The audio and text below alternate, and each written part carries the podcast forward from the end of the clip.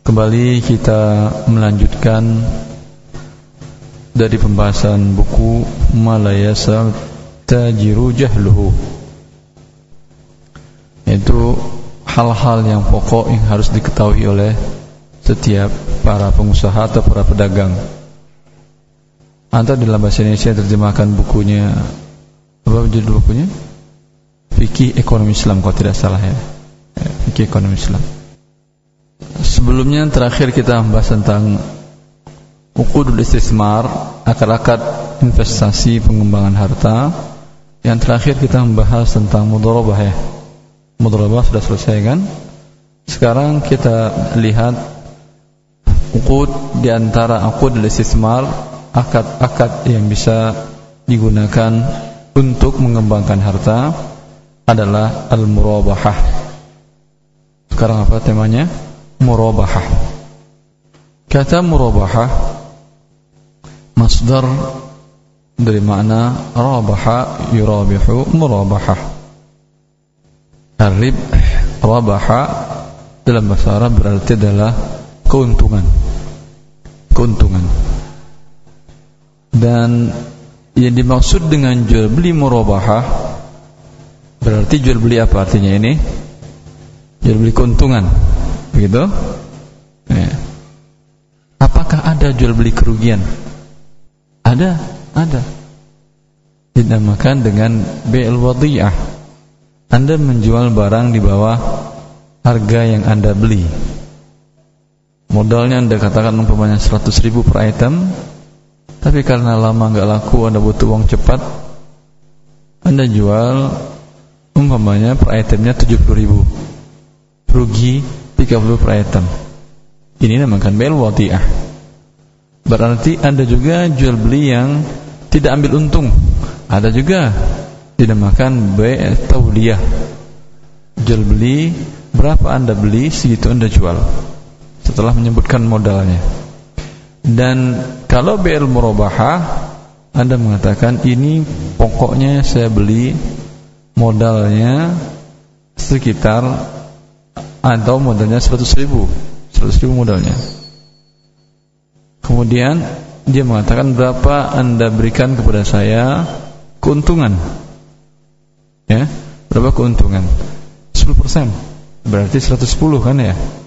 Atau 15% berarti 115 kalau dia merasa belum cukup mungkin dia mengatakan belum cukup. Tambahkan lagi 20% versus 20 ya ini namakan dengan jual beli al-murabahah di mana dia menyebutkan pokok modalnya kemudian tawar menawar dalam keuntungan. Kalau tidak salah pernah kita bahas di awal dulu? Pernah ya? Lawannya adalah B al-musawamah. Jual beli yang tidak disebutkan pokoknya langsung dia mengatakan Berapa barang ini? Saya jual 120 ribu. Berapa pokok modalnya? Dia tidak sebutkan modalnya. Ya. Ini jual beli apa namanya? Musawabah Umumnya orang jual beli seperti ini kan? Ya. Dan hukum asalnya jual beli musawamah boleh. Ya. Jual beli musawamah boleh. Sebagaimana jual beli murabahah tadi boleh Jual beli musawamah boleh Cuman lebih baik yang mana? Anda lakukan jual beli dengan murabahah atau musawamah? Mana lebih baik? Mana saja, tidak tidak ada masalah. Ya. Mana saja Anda jual dengan 120 boleh atau Anda jual 100 modalnya beri keuntungan saya sekian persen boleh. Ya. Dengan syarat dalam jual beli murabahah tadi Anda harus jujur menyebutkan pokok modalnya. Harus jujur. Kalau tidak jujur ya biasanya kan seperti itu. Ini berapa Pak? berapa harganya Pak? 120 ah 100 saja deh ya. Itu pokoknya modalnya nggak ketutup. Begitu kan? Modalnya padahal mungkin umpamanya 95 sudah untung dia berapa ini? 5000 kalau dia berbohong menyebutkan pokoknya atau modalnya, maka bagi pembeli boleh mendapatkan khiyar taghrir. Hak untuk melanjutkan jual beli atau membatalkan jual beli.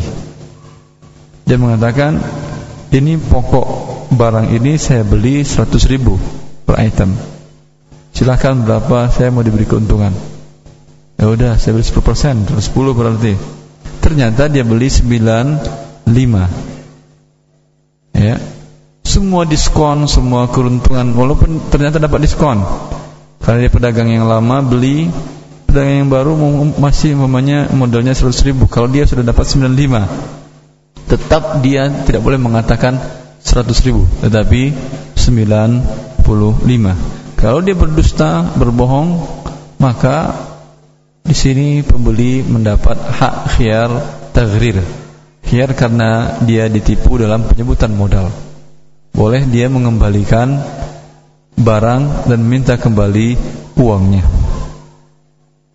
Jelas ini? Ini dinamakan dengan jual beli murabahah.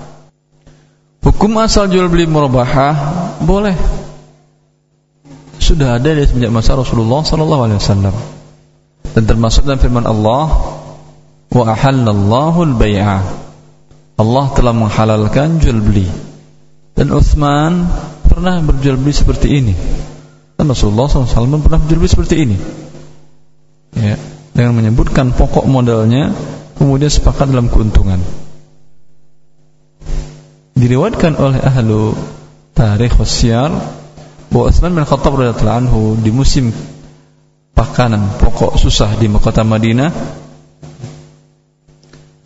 beliau harta perniagaannya dari Syam datang membawa makanan pokok. Lalu para pedagang lokal ingin membeli dari Utsman. Mereka berkumpul di pagi hari di rumah Utsman bin Affan. Lalu mengatakan, "Wahai Utsman, ya, kami dengar perniagaan yang membawa makanan, kafilah dagang membawa makanan datang. Kami ingin beli. Silahkan tawar." Salah seorang mengatakan Urbihuka dirhaman bidirhamin Saya beri engkau keuntungan 100% dari pokok modalmu Satu dirham Modalmu satu dirham Aku beli dua dirham Ya, berarti jual belinya seperti apa ini? Hah? Murabahah kan ya? Kata Umar, "Mari yurbihuni akthar." Kata siapa? Utsman, "Man yurbihuni akthar?" Siapa yang memberikan keuntungan lebih? Menunjuk lagi yang lain mengatakan urbihuka dirham bidirhamai bisalasati darahim.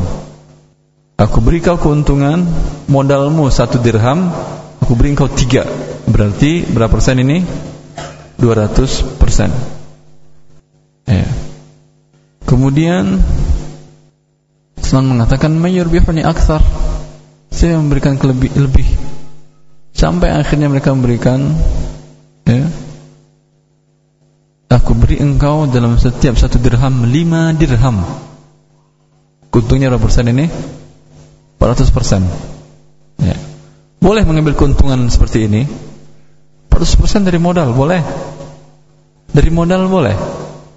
Dari modal boleh. Dan dia menjelaskan dan mereka saling redo Buktinya saya beli satu dirham dengan lima, lima dirham. Ya. Maka kata Utsman, saya mayurbihuni aksar. Saya beli keuntungan lebih dari itu. Akhirnya mereka nggak mungkin mau dijual berapa lagi. Dibeli berapa nanti mau jual berapa. Memang tidak ada makanan makanan sedikit ini harganya mahal. Boleh. Ketika ketersediaan barang sedikit, dan permintaan banyak terutama untuk bahan makan pokok boleh. Harga lebih tinggi boleh. Ya boleh. Dan ini pernah terjadi di masa Rasulullah sallallahu alaihi wasallam. Ketika harga makanan naik para sahabat sebagian datang kepada Rasulullah ya Rasulullah sa'ir lana. Wahai Rasulullah tentukan harga. Kata Rasulullah innallaha wal musa'irul qabidul basitur raziq yang menentukan harga adalah Allah Allah yang yang membuat makanan ketersediaan makanan sedikit banyak memberi rezeki dan meneruskan Allah Maka sekarang ketika barang makanan sedikit, permintaan tinggi, saatnya Allah ingin memberikan rezeki kepada siapa? Para pedagang. Seperti dalam keadaan normal, pedagang mendapatkan keuntungan yang sedikit. Jika ini berhak berhak dia mendapatkan keuntungan besar. Maka Utsman mengatakan, siapa yang banyak? Mereka mengatakan, wahai Utsman, engkau tahu bahwa di kota Madinah tidak ada pedagang lokal, ya, distributor selain kami-kami ini. Siapa lagi yang kau perkirakan mampu membeli di atas itu?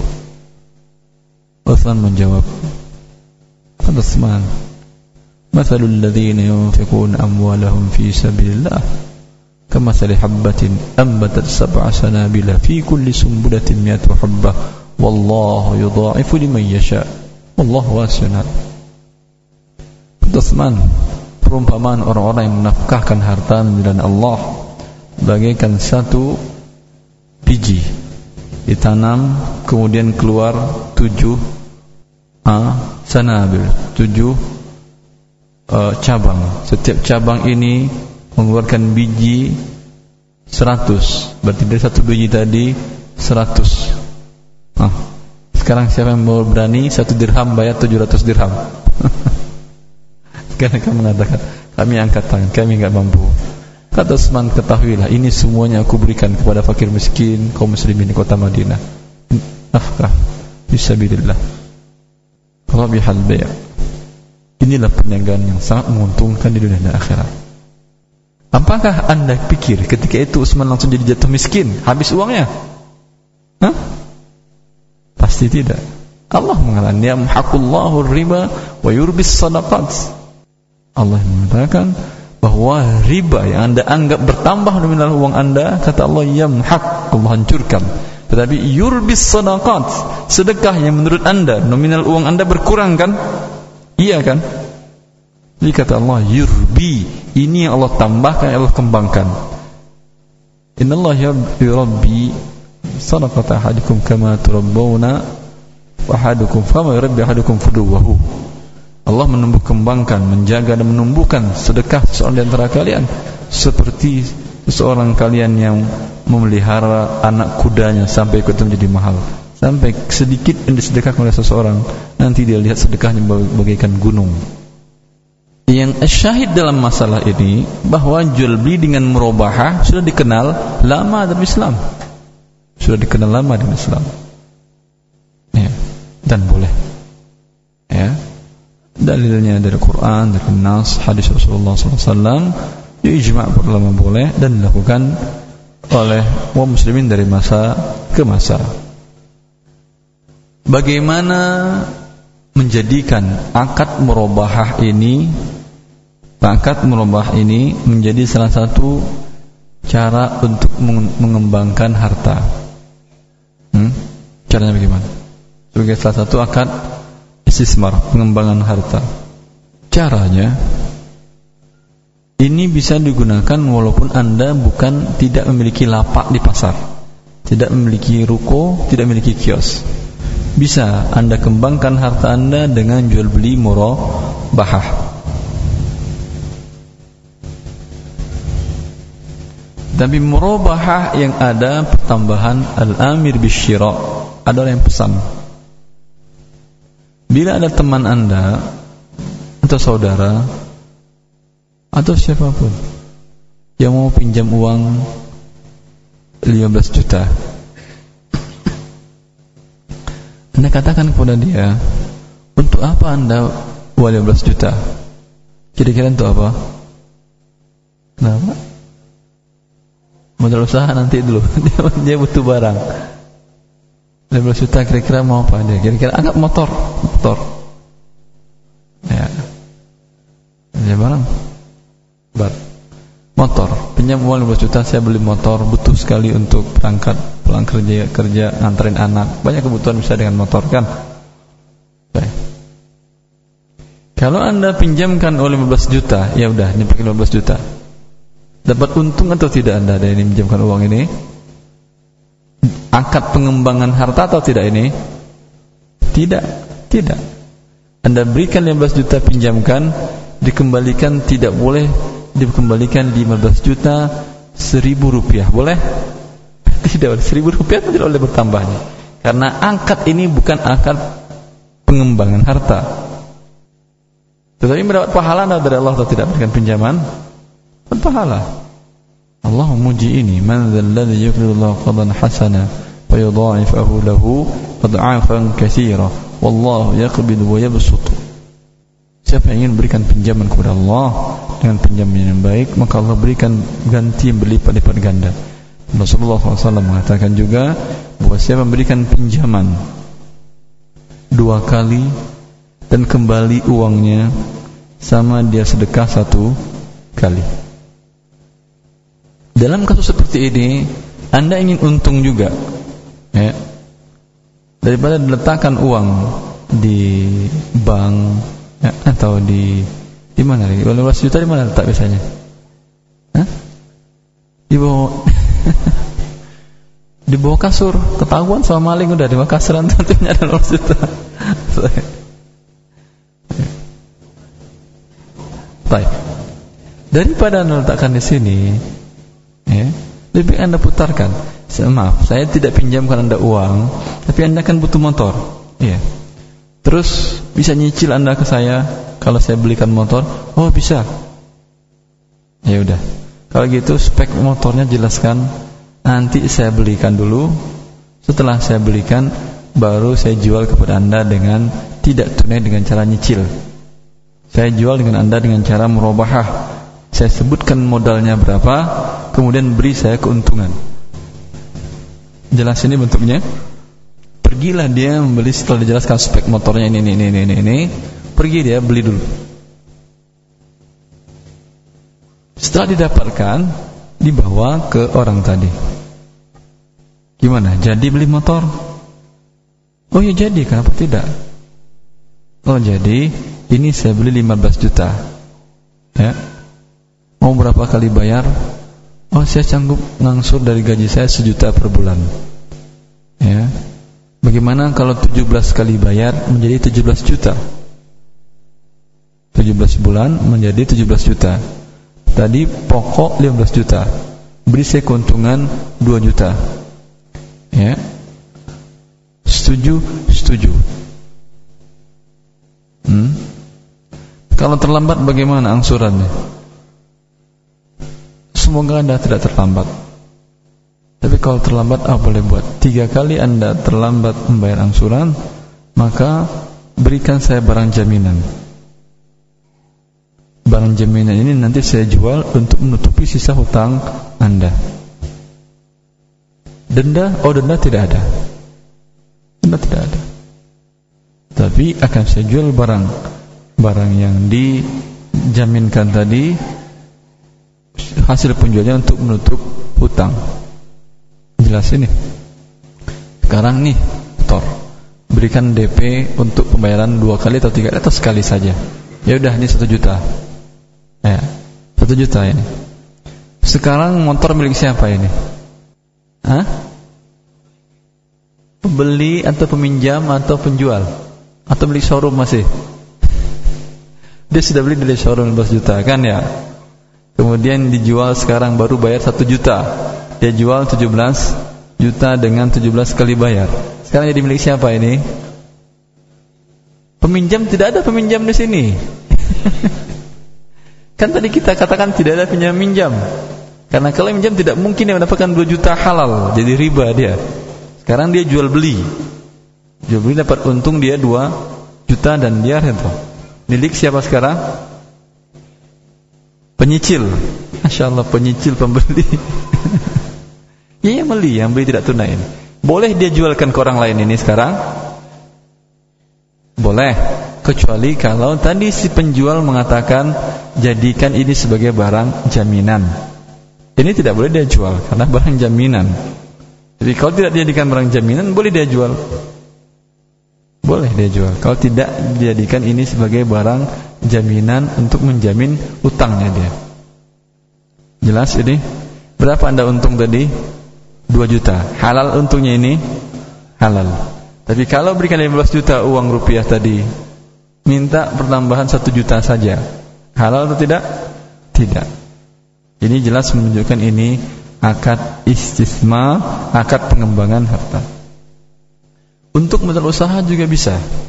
Anda usahanya apa-apa yang ingin Anda tambah yang dibutuhkan untuk usaha Anda. Apa umpamanya? Umpamanya apa yang dibutuhkan? Barang dagangan. Hah? Sembako. Kurang kurang apanya? Kurang barangnya atau kurang apanya? Barangnya kurang. Eh, sekarang permintaan banyak hanya mampu menyediakan sepertiga dari permintaan. Ya. Maka saya tidak katakan saya tidak pinjamkan uang. Musyarakah, saya keberatan musyarakah. Saya hanya maunya saya jual barang dengan tidak tunai kepada anda. Saya tambah barang tersebut dua pertiganya saya jual kepada tidak tunai. Ya. Dan anda jual tunai. Masih untung anda karena karena anda sebagai pedagang tentu bisa mengetahui keuntungan berapa untuk mendapatkan keuntungan tadi. Apalagi beli dalam jumlah partai besar. Jelas ini? Ini dia yang dimaksud dengan merubahah. Merubahah yang dilakukan sekarang sudah ada pertambahan atau modifikasi dengan ada permintaan sebelumnya. Dengan ada permintaan sebelum. Selagi yang dibutuhkan barang, kalau anda inginkan, inginkan untuk penambahan harta anda, jangan pernah berikan uang. Karena berikan uang berarti akarnya apa? Pinjaman. Tidak boleh mendapatkan keuntungan. Ya. Tetapi kalau diinginkannya barang bisa anda beli dahulu. Tetapi berhati-hati dalam hal ini. Berhati-hati dalam hal ini. Dia bisa menjadi pengelabuan riba juga. Hilah untuk riba juga.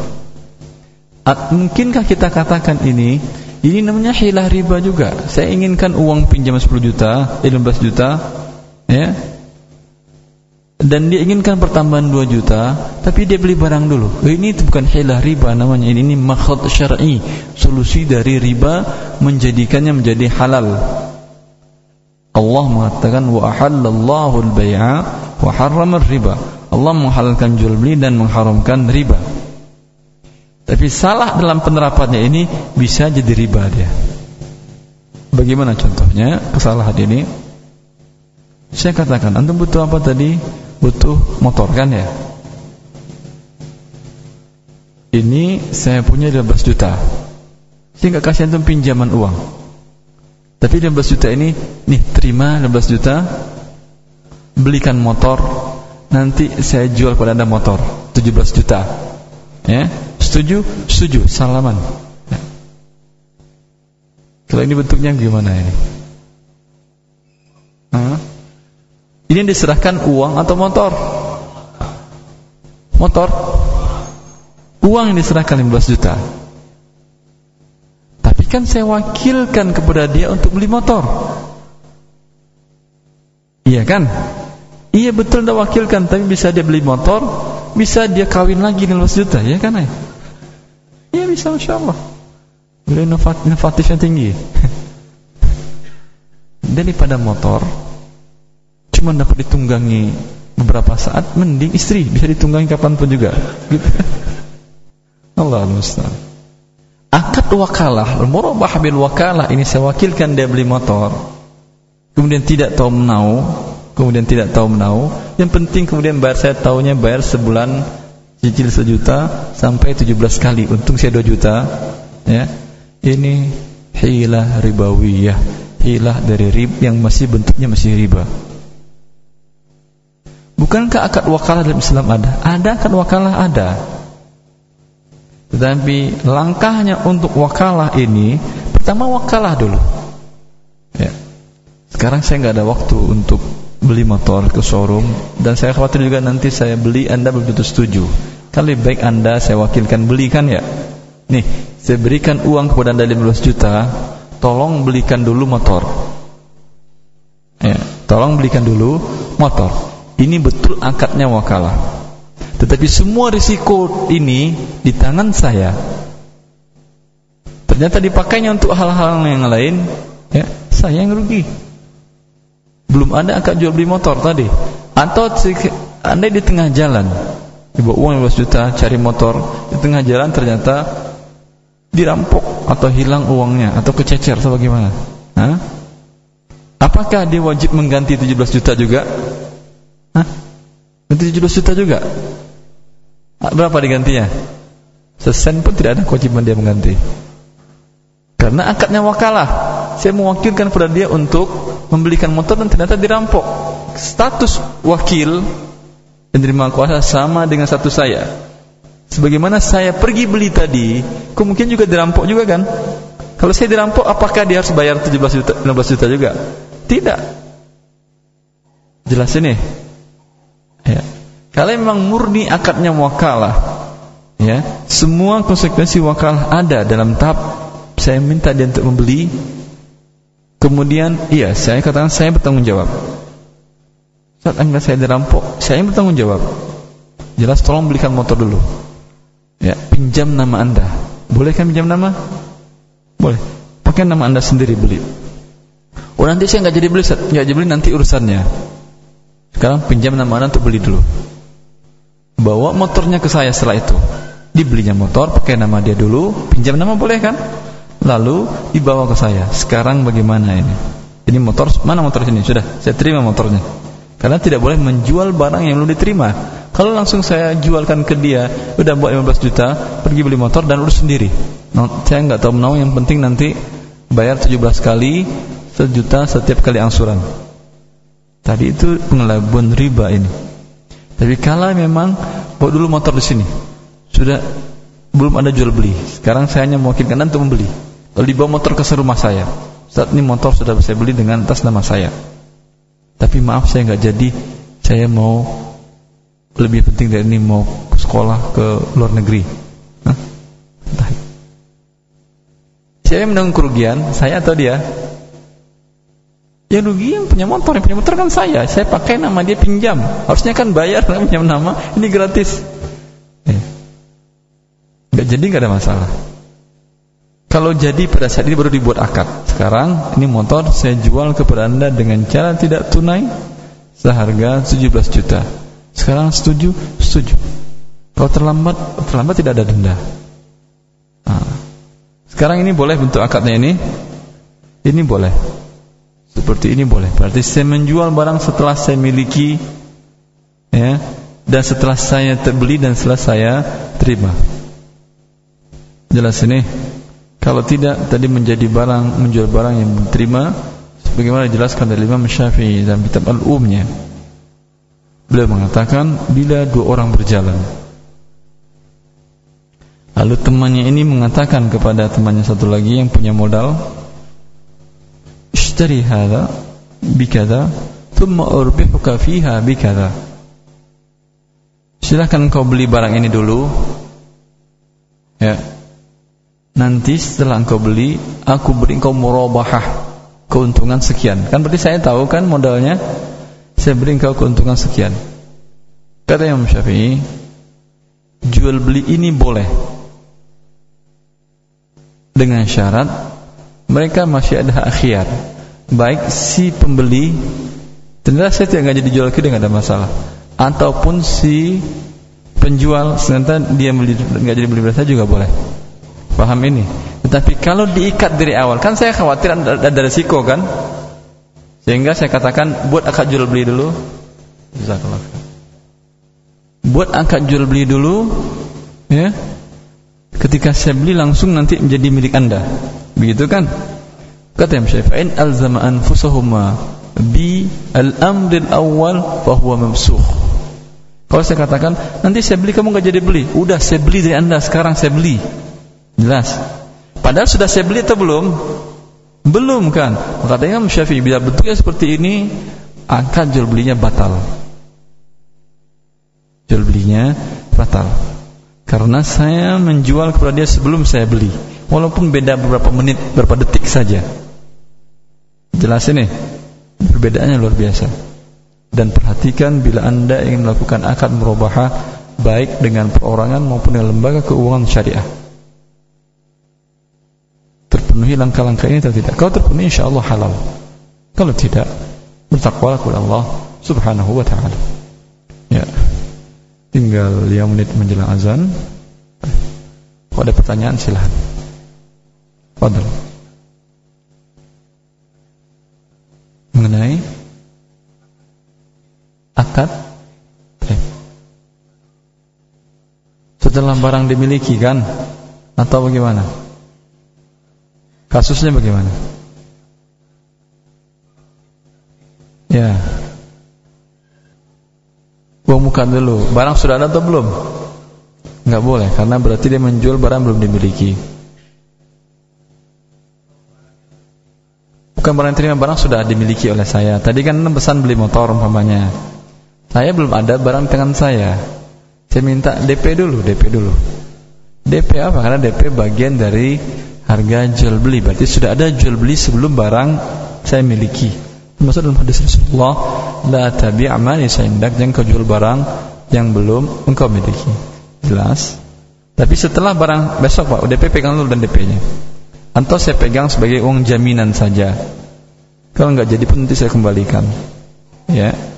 Setelah barang saya beli, Pak, ini jadi jadi uang yang kemarin saya pinjam yang saya jaminkan Bapak jaminkan jadi DP ya.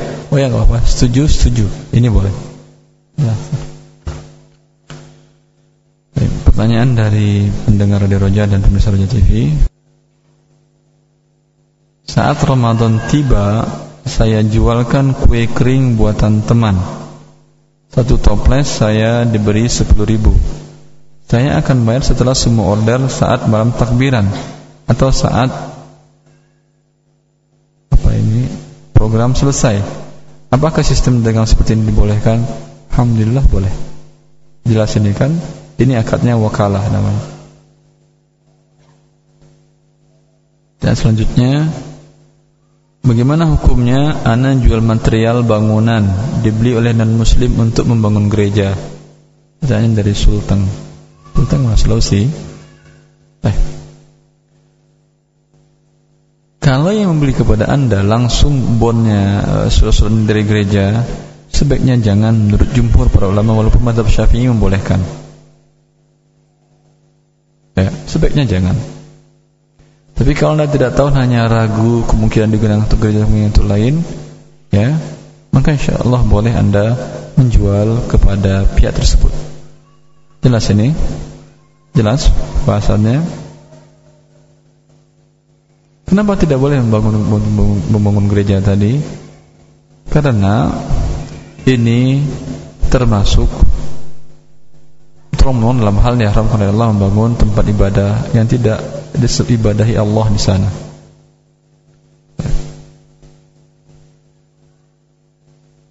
Ibu wakaf sebidang tanah tempatnya kurang strategis. Tanah tersebut dijual uangnya untuk rehab musola. Boleh tidak? Dari Abdul Hadi Banyumas. Wakafnya tadi untuk apa niat ibunya? Kalau niat untuk masjid, boleh dijual tadi, boleh diberikan ke masjid yang lain. Dia tanah ini rencananya untuk masjid, tetapi tidak strategis. Ya. Karena satu lain hal umpamanya, boleh dijual tanah ini, kemudian dipindahkan untuk wakaf masjid yang lain yang menurut dia lebih makmur. Jelas? Ustaz, Anda mempunyai rumah kontrakan empat pintu. Tiap bulan dari kontrakan tersebut Ana memperoleh uang 1,5 juta kontrakan tersebut Ana miliki lebih dari satu tahun apakah kontrakan tersebut harus dikeluarkan zakat berapa persen zakatnya syukran kalau uang ini masih terkumpul ya beda pendapat para ulama zakat dari menyewakan itu apakah ketika diterima setelah berlalu satu tahun kan akadnya kalau kalau akad kontrak kan per tahun kan umpamanya ya. Andai per tahun ya, berarti ketika diterima uangnya kan sudah genap satu haul kan itu. Ya ini menurut pendapat Hanabila menurut jumhur tidak andai pendapat Hanabila ini kan jumlah cuma satu setengah sampai ini sop ini ini sopnya 85 gram emas berapa sekarang berarti 40 juta lebih kan ya satu setengah ini seperempat puluh nisab. Tidak ada kewajiban zakat. Jelas? Ustaz saya usaha jasa transfer antar bank. Saya dapat hadiah dari bank setiap transaksi halal ke hadiah tersebut. Pertanyaan transfer jasa transfer. Maksudnya apa ini? Terus? Allah saya nggak jelas nanti tanya jelaskan lebih rinci ke saya. Belum terbayang lah saya biarkan saja dari Andi di Purwokerto mau tanya tentang hukum bermain forex apakah halal atau haram? Forex forex itu apa? Foreign exchange jual beli mata uang asing ya kalau jual belinya tunai anda serahkan mata uang yang anda miliki lalu anda terima mata uang yang anda beli pada waktu itu juga dalam satu majelis kalau berbeda majelis tetapi cash tunai langsung masuk ke rekening Anda, tidak ada masalah. Tidak ada masalah. Kalau berjangka tidak boleh untuk mata uang.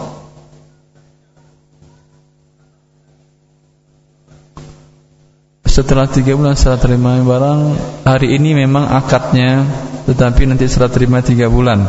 Naik naik turun turun dan selisihnya diterima. Ini adalah jual beli yang diharamkan karena mengandung gharar dan riba. Ini dua ini karena riba jual beli hutang dan hutang kan ini. Akadnya sekarang setelah terima tiga bulan. Dilihat pada waktu itu siapa yang rugi. Yang rugi dia bayar ke yang untung. Ya ini jual beli hutang dengan hutang yang diharamkan karena gharar dan juga ini jual beli riba karena tidak tunai untuk jual beli mata uang. Dua di sini koran riba.